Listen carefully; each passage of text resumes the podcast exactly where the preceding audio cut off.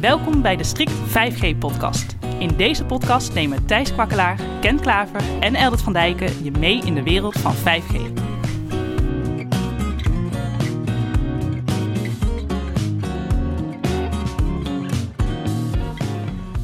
Dit is de Strict 5G-podcast. Ik ben Thijs. Ik ben Ken. En ik ben Eldert.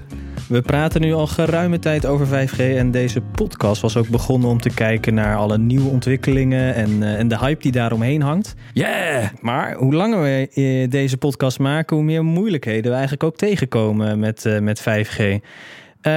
als we nou eens kijken naar, naar de Gartner hype cycle van technologie. Dat is eigenlijk een, een mooie grafiek waarin je eigenlijk van heel laag heel snel piekt en dan weer naar beneden valt en daarna weer iets omhoog in een soort uh, productieve fase. Zitten we nou in, in dat dal, uh, de, de sloot of de trog van, van vertwijfeling bij, bij 5G? Ja, de trough of disillusionment. Uh, ja. ja. Ik denk het wel. En we zien al verschillende berichten de afgelopen periode ontstaan waarbij men zegt: ja, 5G heeft nog niet gebracht wat we er eigenlijk van verwacht hadden. En dat heeft dan waarschijnlijk te maken met een aantal zaken. Eén is dat we vanuit de industrie misschien de verwachtingen veel te hoog hebben laten komen. Uh, en en uh, tweede is, is dat we de uitrol van 5G nog niet op het tempo gaat, maar dat het ook een evolutionaire technologie is, die niet op dag één uh, perfect alles kan wat in de boekjes staat. Of in de marketingverhalen naar voren is gebracht. Hangt wel een beetje van het land af misschien. Hè? Want er zijn natuurlijk landen waar ze veel verder ja. zijn met de 5G-uitrol dan, dan wij. En wij lopen natuurlijk, hebben we al eerder behandeld met die frequentieveiling, een heel eind achter.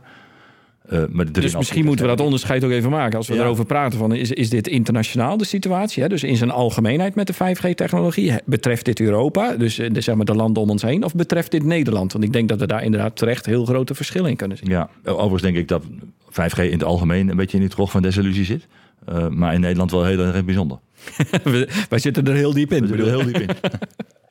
Ja, want die, die, die trog van desillusie die zegt eigenlijk dat de, de ex, uh, experimenten, maar ook de implementaties uh, uh, van de technologie, die zijn een beetje aan het, aan het falen. En, en we zien dat natuurlijk met de uitrol van 5G binnen Nederland. dus daarin kunnen we eigenlijk zeggen, daar zitten we er heel diep in. Maar als we dan kijken naar, naar Europa, zit, zitten we daar dan ook in? Of beginnen we daar al een beetje uit op te klimmen? Of, of dat het op een andere manier wel goed komt? Nou, wat ik in zijn algemeenheid zie, is dat er heel wat projecten zijn waarbij de technologie van 5G bijvoorbeeld in private netwerken zeer succesvol is. Dus op bedrijvengebieden, bedrijventerreinen, specifieke toepassingen, blijkt die technologie heel robuust te zijn en is men in staat om echt nieuwe use cases uh, toe te passen. Maar dat is heel um, ja, op beperkte schaal. Ja. En het is niet zo dat we plotseling in heel Duitsland uh, een volledig 5G-dekkend netwerk hebben. Ja, Vodafone heeft onlangs een bericht gestuurd dat ze nou 90% van de bevolking van 5G willen voorzien. Maar dat is altijd, of nog lang niet altijd, de hoogste snelheden van 10 gigabit waar ooit mee geadverteerd is. En dat is iets wat we, uh, denk ik, nog wel een hele lange tijd zullen houden. Dus de 5G-technologie is in staat op bepaalde plekken bedrijven echt naar voren te helpen. Maar in zijn algemeenheid uh, uh, hebben we heel veel aan 5G. Nou, de autonome auto's heb ik nog niet zien rijden, Ken. nee, misschien op afgesloten bedrijfsterreinen. Die zien we natuurlijk nu al met, met private 4G-netwerken. Ja. Bijvoorbeeld bij ECT in de Rotterdamse haven. daar is het makkelijker te realiseren, want die hebben geen connectiviteit met de buitenwereld anders dan hun eigen bedrijfsterrein. Uh, maar op de openbare weg is het nou, technisch nog niet geregeld. Want wat als de dekking wegvalt, wat doet zo'n auto dan? Maar het is ook allemaal qua regelgeving nog niet geregeld. En, en dus er zitten een hele hoop dingen omheen. Hè? Dus 5G als technologie werd gedacht als enabler voor een hele hoop nieuwe dingen. Zoals inderdaad die autonome auto. En we, we gaan zo ook nog wel even hebben over die uh, operatie op afstand. En uh, allerlei virtual reality toepassingen. Maar eigenlijk zijn die technologieën nog lang niet zo ver. Maar dat is precies wat er natuurlijk door de ITU is uh, nou, wat je in het begin zei, het is een beetje... ITU als organisatie die de 5G-standaard vaststelt. Ja, de Telecommunications ja. Unit. Um, of, Union. Uh, Union, sorry. uh, dus die hebben die driehoek gepresenteerd met uh, op elke punt stond dan eigenlijk een, een belangrijke toepassing van 5G. De ene was massive broadband, dus echt een breedband toepassingen. De andere was vooral hele hoge capaciteit. En de, de derde punt is eigenlijk de low latency toepassingen. En van die drie hoeken van die driehoek is eigenlijk alleen maar breedband gerealiseerd. Want IoT, daar hadden we eigenlijk al. Hè? Alleen de, de opschaling daarvan, die zien we nog niet echt gebeuren. Met, met die gebeurt wel, maar in een heel ander tempo. Ja, en ook heel veel nog met andere technologieën. Want ook LoRa is nog steeds uh, uitbreidende en dergelijke. En er zijn ook andere concurrerende technologieën. Uh, En low latency applicaties of toepassingen zijn er ook nog nauwelijks. Althans, die hebben we nog niet echt van de grond zien komen. Nee. Dus de, zeg maar de belofte van de 5G-technologie is nog steeds voor een groot deel een belofte. En dat wil niet zeggen dat het niet er komt. Maar bijvoorbeeld de autonome auto's. In 2016 uh, las ik vandaag nog, is uh, door Elon Musk al geroepen: binnenkort rijden onze auto's volledig zelfstandig. Hij heeft het onlangs uh, deze zomer weer geroepen van nou, voor het eind van het jaar denk ik dat het er nu echt is. het is nu 2023. En het is voor heel veel gebieden is, is die technologie gewoon nog niet zo snel gegaan. Dus 5G stond zeg maar al in de coulissen te trappelen, uh, riep, rende het podium op, maar er was eigenlijk niemand met ze mee aan het rennen. Want die autonome auto's, inderdaad terecht wat Ken zegt, heel veel van die fabrikanten zeiden ja, als de 5G-dekking in de stad is en op de snelweg, wat moet die auto dan doen als hij de afrit neemt in de buurt van de plek waar je woont? Um, gaat hij dan geen 5G-verbinding meer hebben en niet meer kunnen rijden? Stopt de auto dan plotseling? Of komt er dan een piepje dat de bestuurder de, uh, het stuur weer vast moet pakken? Kan allemaal waar zijn. Maar zeg maar, als er halverwege op die snelweg een gat zat in 5G-dekking, wat moet de auto dan doen? Stilstaan? Want hij heeft geen 5 waar, die, waar die 5G-dekking voor nodig zou zijn voor die autonome uh, voertuigen. Voor welke communicatie gaat dan over die verbinding heen? Want, het idee was de besturing. Uh, voilà, maar wat, wat FSD van Tesla doet, is vooral op basis van camerabeelden. FSD? Help even, we kennen niet allemaal Tesla oh, zo goed. Ja. Uh, full self-driving. Okay. Dus auto, volledig autonoom rijden, zeg maar. Dus wat hij doet is met vroeger radar, nu vooral met uh, Tesla Vision, hè, dus met camera's, de omgeving in de gaten houden en, met behulp van analyse van die beelden proberen te identificeren wat het voor objecten zijn. Loopt er een auto of loopt er een, loopt er een voetganger? rijdt er een auto ineens op een onverwacht punt? nou, die kan eigenlijk alle objecten analyseren. En daar heb ik wel simulaties van gezien. En dan zie je wat er enorme rekenkracht voor nodig is om al die beelden te analyseren. Uh, maar dat gebeurt allemaal in het voertuig zelf, zonder dat daarvoor externe connectiviteit nodig is. Er is wel connectiviteit voor je route navigatie en voor je onboard entertainment en voor je wifi hotspot als je dat zou willen, maar niet voor, navigatie, of niet voor uh, het zelf uh, autonoom rijden. Ja, je ziet hetzelfde natuurlijk ook bij, uh, bij Ford. Uh, zij zijn ook bezig met, met het zelfrijdend maken van hun auto's. En wat zij hebben geïmplementeerd, waar bij Tesla is het full self-driving, bij Ford is dat Blue Cruise. ja, ja, dat is volledig autonoom, alleen beschikbaar op bepaalde snelwegen in de VS. Oké. Okay. Hm. Uh, en dat betekent dat zij daar uh, de juiste mapping op kunnen maken. En dan kun je nou ja, je handen loslaten en je voeten van de, van de pedalen. En dan kan hij het helemaal zelf doen. Uh, maar wat je allemaal ziet, is dat het, de slimmigheid zit in de auto zelf. En de verbinding, ja, die wordt alleen gebruikt om uh, de analyses, dus zeg maar de data uh, van hey, hoe heb ik gereden en, en uh, wanneer heeft bijvoorbeeld de gebruiker ingegrepen, dat wordt verstuurd via die dataverbinding. Ja. Maar ja, voor de rest, voor, voor de hele functionaliteit, is die hele dataverbinding niet nodig. Nee, wat exact. Ook... Dus, wat, hè, dus wat fabrikanten eigenlijk hebben geconcludeerd, ik kan niet voldoende vertrouwen op die radioverbinding. Ja. Dus ik zorg dat mijn auto zichzelf kan besturen. Hè, dus de, de intelligentie en de rekenkracht lokaal. En ik wil wel contact met die auto. En wat jij ook uh, onlangs uh, volgens mij een keer vertelde, is dat, dat ook zeg maar firmware updates en dergelijke, dat gaat wel allemaal ja. via de lucht. bij mijn auto is dat volgens mij ook. Navigatie-updates, firmware-updates komen via de lucht, via de 5G-modem, die wel in heel veel moderne auto's zit. zonder dat je daar echt weet van hebt. behalve dan dat je ochtends soms een melding krijgt van hey, een nieuwe versie akkoord. en, en dan heb je het binnen. Maar dat is zeg maar een heel ander soort gebruik van die 5G-verbinding dan dat de industrie dacht. En dat is wel. Uh, hè, dus het, de, de 5G-technologie heeft zeker wel een rol gespeeld. Uh, want de autofabrikanten kunnen steeds meer informatie uit hun auto's halen en hun producten daardoor verbeteren. Maar het wordt zeker niet gebruikt voor continue besturing. Als je dat al zou willen, hè? als je al continue besturing van zo'n voertuig zou willen en je wil heel snel kunnen reageren op veranderende situaties in het verkeer. Ja. Heb je dus ultra low latency nodig? Ja heb je ook in rekenkracht vlak, vlak bij de auto nodig. Ja. En niet ergens centraal in het land. Want anders heb je altijd je latency over de glasvezel en alle andere infrastructuur. Naar het datacenter en weer terug, wat ver weg Voilà. staat. Ja. Dus dat betekent dat je infrastructuur ook helemaal zou moeten, moeten zijn voorbereid langs alle main roads, zal ik maar zeggen, om dit te realiseren. En dan heb je alleen de main roads. Als je het ook in de middle of nowhere, waar ik woon, dan gaat het niet gebeuren. Nee, KPN heeft er uitgebreid getest ook met uh, de Automotive Campus in Helmond en op de snelweg van, Eind van Helmond naar Eindhoven. Mhm. Mm -hmm. uh, waarbij ze een aantal 5G-zendmasten hebben geplaatst om vooral platooning te testen. Dus Ja. als je een aantal vrachtwagens of voertuigen vlak achter elkaar kan laten rijden. van elkaar aan, ja. Precies, Ja, en dat is aangetoond dat je daar echt 5G voor hebt, nodig hebt. Op het moment dat je dat met 4G doet en de voorste moet een noodstop maken, dan weet je zeker dat het vierde en het vijfde voertuig erachterop botsen. Hm. Terwijl als je dat met 5G doet, kun je met z'n allen nog op tijd remmen. Ook bij een noodstop. Alleen het werkt inderdaad alleen als de zendmaster lokaal de data-uitwisseling doet. En niet als je inderdaad, wat Ken zegt, naar een datacenter ver weg moet gaan. Dus dat zorgt er ook al voor dat je zeg maar alleen die functionaliteit kan laten werken. op het moment dat je alle zendmasten langs dat, uh, langs dat tracé goed onder beheer hebt. en de juiste dataafwikkeling. Ja. En eigenlijk met een stukje core-netwerk er ook nog dus bij. Ja. Wat normaal in een datacenter zit. Nou, hoe kun je daar dan profijt van hebben? Ik denk voor een vrachtwagenfabrikant, als je lange stukken er gebruik van kan maken. Want anders is het veel te onrustig. Ja, ik kan nu een kwartiertje platooning. Nou, dat is lekker. Kan ik net even koffie drinken als eh, chauffeur. En daarna moet ik alweer aan het stuur trekken. En dus dat werkt niet. Maar hele lange stukken implementeren is gewoon nog niet gelukt. Die business case is ook niet rond te maken. Want de investeringen daarvoor zijn veel te hoog. Is 5G dan een verloren generatie? Ik denk dat we te grote verwachtingen hebben geschapen door hele stoere toepassingen te roepen. Waar die toepassingen zelf, zoals we net noemen, autonome auto's, maar ook extended reality, waarvan we nog steeds op de brillen zitten te wachten. Ja. En ook operatie op afstand, waar de zorg helemaal misschien niet op zit te wachten, eh, dat dat nog helemaal niet eh, de vraag is. Dus eh, wat ik in het begin zei, 5G was een oplossing voor een probleem wat we nog niet hadden verzonnen. Wat er eigenlijk aan de haren bij werd getrokken. Maar tegelijkertijd zien we dat 5G-technologie wel ongelooflijk belangrijk is om de jaarlijkse verkeersgroei te kunnen afvangen. En we zien nu al gewoon op heel veel plekken dat 4G verstopt raakt. En dan heb ik het nog niet eens over de diverse festivals en grote evenementen die deze zomer hebben plaatsgevonden. Ik weet niet of je daar als luisteraar ooit zelf bij bezig bent geweest. Maar op het moment dat je daar een radioverbinding kan onderhouden om een WhatsAppje te sturen of een videootje te delen, om überhaupt contact met je vrienden te hebben, dat is echt al een uitdaging. En dat wordt alleen maar erger.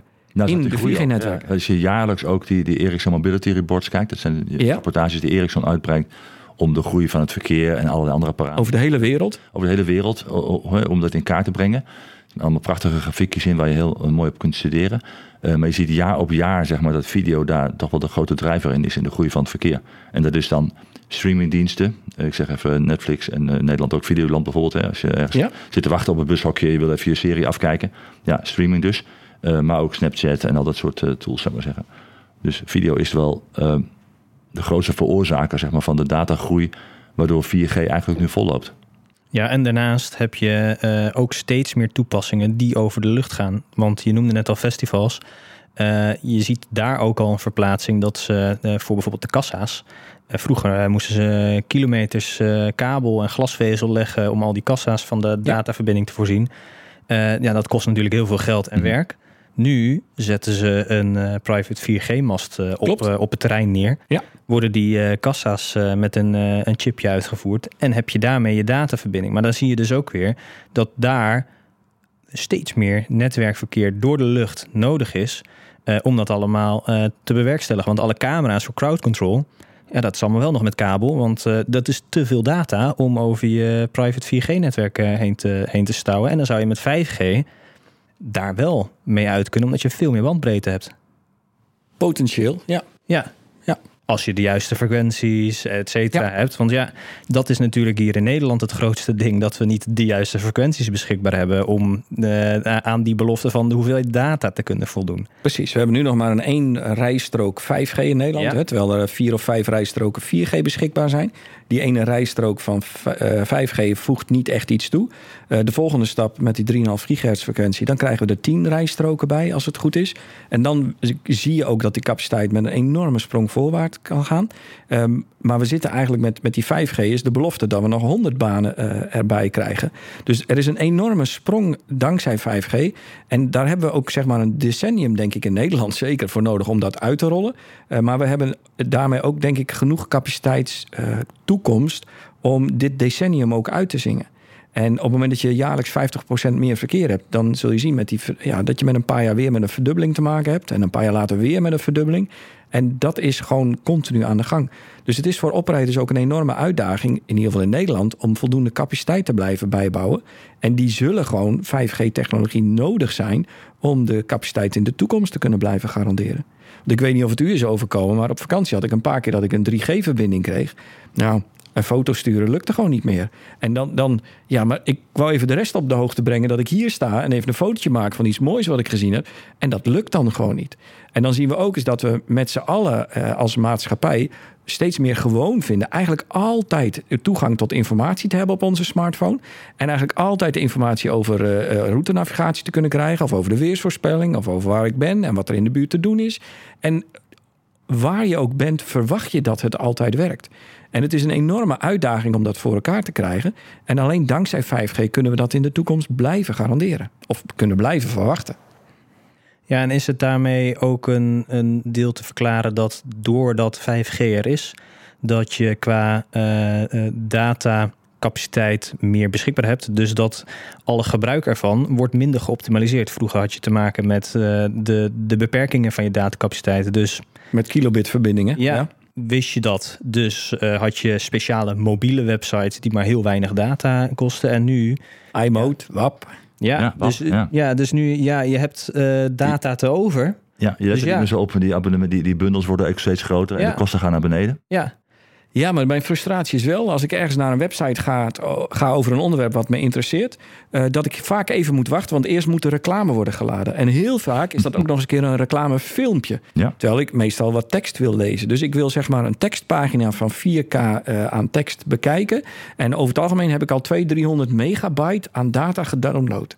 En dat is iets wat, uh, wat mij wel, nou ja, soms best wel frustreert. dat ik zeg, ja ik zit dus te betalen voor het downloaden van de data uh, die iemand anders vindt dat ik eerst moet kijken voordat ik naar de informatie mag die ik eigenlijk wil zien.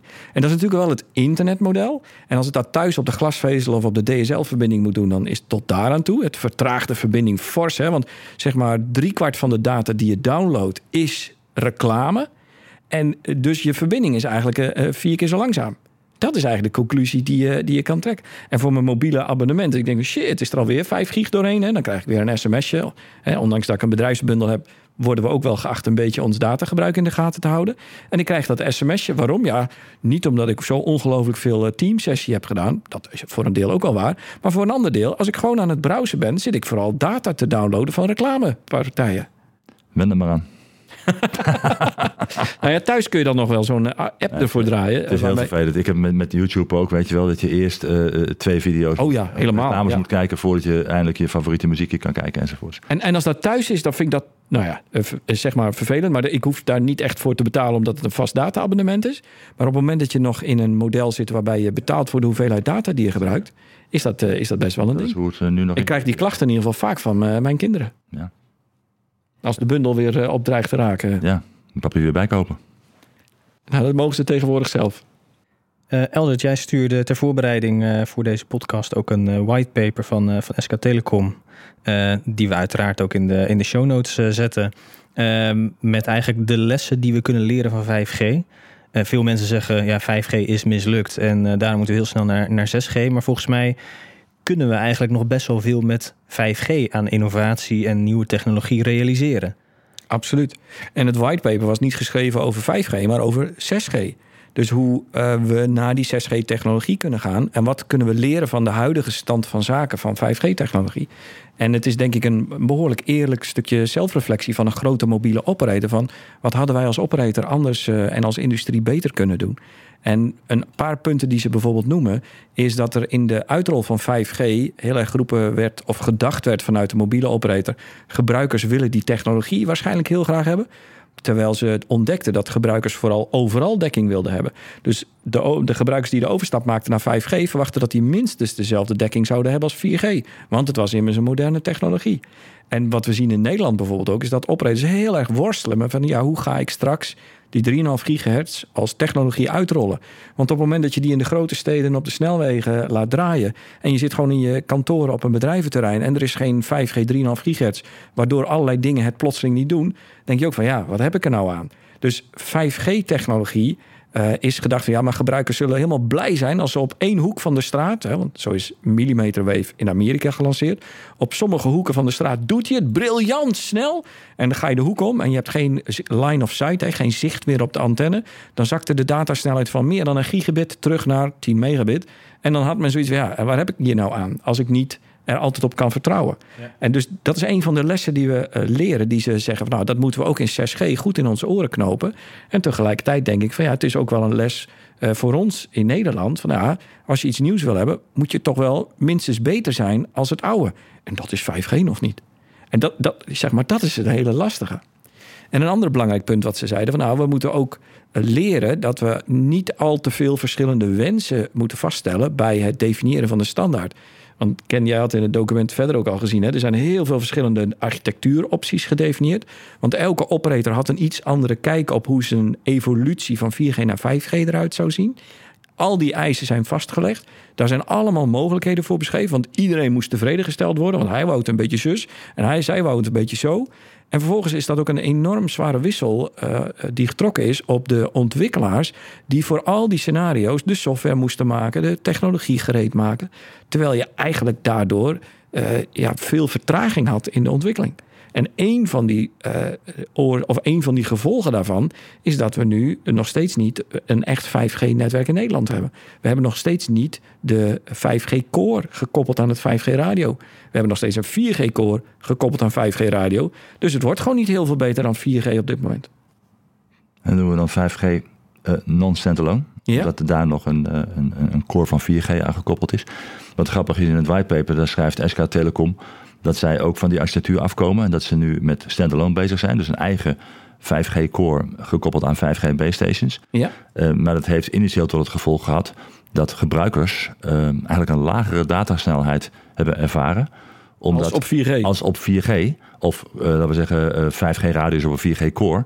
Omdat in een 5G standalone architectuur niet gebruik kon worden gemaakt van de base stations van, van 4G, zeg maar. Dat je die uh, uh, dingen voor datacommunicatie niet kunt mixen. Dat je niet een LTE en een 5G-service tegelijk kunt gebruiken nee. voor je data.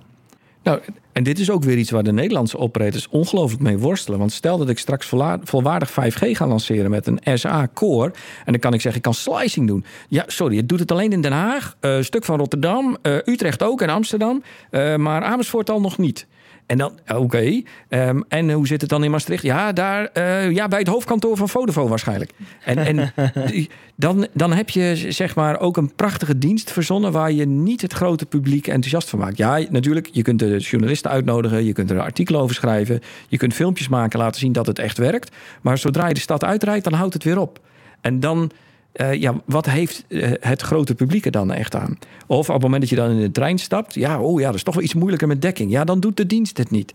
Ja, ja waarom zou een gebruiker dan daar meer voor gaan betalen? En dat, dat gebeurt dan ook gewoon niet. Maar dat is ook exact wat in deze uh, whitepaper zeg maar, wordt aanbevolen door, door SK Telecom. En die heeft echt gekeken van nou, wat hebben we dan nu geleerd van ja. de 5G-ervaring? Want ze hebben al sinds 2019 hebben zij 5G-diensten in de lucht. Ja, dus Korea loopt in dat opzicht heel erg voor. Ja, dat is echt een van de, van de eerste ter wereld, denk ik, die 5G ja. heeft uh, geoperationaliseerd. En die zeggen van kijk nou ook uh, naar het, het kunnen gebruiken van een spectrum dat we wel hebben voor andere netwerken voor 4G en voor 5G. Ja. Om dat voor 6G te kunnen inzetten, laten we dat efficiënt doen. Zonder dat we de, de, de voordelen die we daarvan hadden gaan verliezen in, in, in 6G. Ja. En, en wat zij ook wel zeggen, dus wat heeft 5G ons gebracht? In ieder geval veel lagere kosten per megabyte of per gigabyte aan data door het netwerk. En dat is natuurlijk ook een hele belangrijke drijver. Dus de datasnelheid blijft groeien. En wat zij schreven zelfs is gemiddeld 50% meer data op een 5G gebruiker dan op een 4G gebruiker. Terwijl de, de kostprijs iets van 70% lager was van de dataverbinding. Nou, en dat, dat is natuurlijk, ja, dat zorgt in ieder geval in dit misschien uh, wel voor dat de operator daar iets meer aan over kan houden. Maar dat is ook een continue drijfveer. Hoe ga je zo efficiënt mogelijk met je data om? En hoe zorg je ervoor dat die, die enorme hoge datasnelheden ook echt bij de eindgebruiker komen? Ja. Nou, onder andere ook door een eenvoudige architectuur waar zij voor pleiten. Ja. Weliswaar een veel granulairder netwerk. Dus veel fijnmaziger om natuurlijk de hoge frequenties te kunnen faciliteren. Voordat je in ieder geval overal dekking hebt. Ja. Maar de architectuur zou er echt anders uit gaan zien dan in, uh, dan in 5G. Klopt. Voor 6G kijken ze naar hogere frequenties. Hè. Dus 7 tot 15 gigahertz wordt bijvoorbeeld druk naar gekeken. En wat je daarbij ziet is dat de afstand die je kan overbruggen over het algemeen nog weer een stuk veel kleiner is. Dus je moet veel kleinere cellen. Uh, veel fijnmaziger, ja. Veel fijnmaziger netwerk, maar wel dus meer componenten. Maar goed, als het veel eenvormiger is, is het wellicht ook daardoor veel meer een commodity en wordt het daarmee goedkoper. Ja, een van die dingen die vroeger al geroepen werd. Ah, belachelijk, moeten we straks 5G op elke lantaarnpaal krijgen? Nou, waarschijnlijk over tien jaar is dat sowieso nodig om voldoende capaciteit te kunnen bieden. Want we willen met z'n allen misschien met een, eh, een augmented reality of virtual reality bril door de straat kunnen lopen, omdat we extra informatie willen ontvangen. Uh, en er zijn mogelijk dan wel weer nieuwere toepassingen. En dan wil ik niet een hype creëren van wow, maar het is wel zo dat dat zeg maar uh, vijf jaar geleden werd dat al gezegd van dit zijn de dingen die 5G ons gaan brengen. Nou, wat, net als wat we zo straks al even zeiden, die brillen die zijn gewoon nog niet klaar. Die brillen werken nu eigenlijk altijd op wifi. Er zit nog geen 5G-chip in. Maar op het moment dat dat wel voor elkaar is over een aantal jaren, wat men verwacht bij in de industrie, dan zitten we wel op, zo'n, eh, op, op een plek waarbij je nog meer data eh, in het publieke domein wil kunnen versturen. Dus op straat wil je op veel meer plekken nog data kunnen ontvangen. En daar, daar zit gewoon nog een enorme uitdaging. Want tegelijkertijd zeggen operators, ja, de investeringen die we moeten doen in de mobiele netwerken zijn bij elke generatie weer een stuk hoger. En vooral in de grootte van het radionetwerk. En dat zorgt echt wel voor een uitdaging. Dus mobiele data, moeten we ook met z'n allen begrijpen, is niet gratis. En heel vaak proberen we uh, dat, of hè, worden door de mobiele operators in, in de business case of in hun marketing geroepen van nou, all you can eat data, hè, een vast bedrag per maand. En het maakt niet uit wat je doet, hoeveel gigabyte per dag. Het is geen enkel probleem. Ja, dat is wel een probleem. En dat is iets wat heel uh, uh, misschien vanuit marketing en sales gedreven wordt van dit verkoopt het best. En dat is absoluut waar, want voor de eindgebruiker is het meest goedkoop. Maar het legt een hele zware druk op de netwerkcapaciteit. Tuurlijk. En dat is iets waar uh, we misschien blij mee moeten zijn. Want kijk, zie je wel, daarom hebben we 5G nodig. Maar tegelijkertijd, die ongebreidelde groei die op sommige plekken ontstaat, zorgt ook gewoon voor maatschappelijke problemen. Ja, daar gaat een fair use policy niet bij helpen. Uh, nee. We zijn wat uh, desillusies rijker, maar hebben daarmee wel veel geleerd voor de toekomst. We zullen jullie in de toekomst mee blijven nemen in ontwikkelingen die wel goed tot stand komen en het 5G echt waard maken. Maar tot die tijd, de eerste keer dat.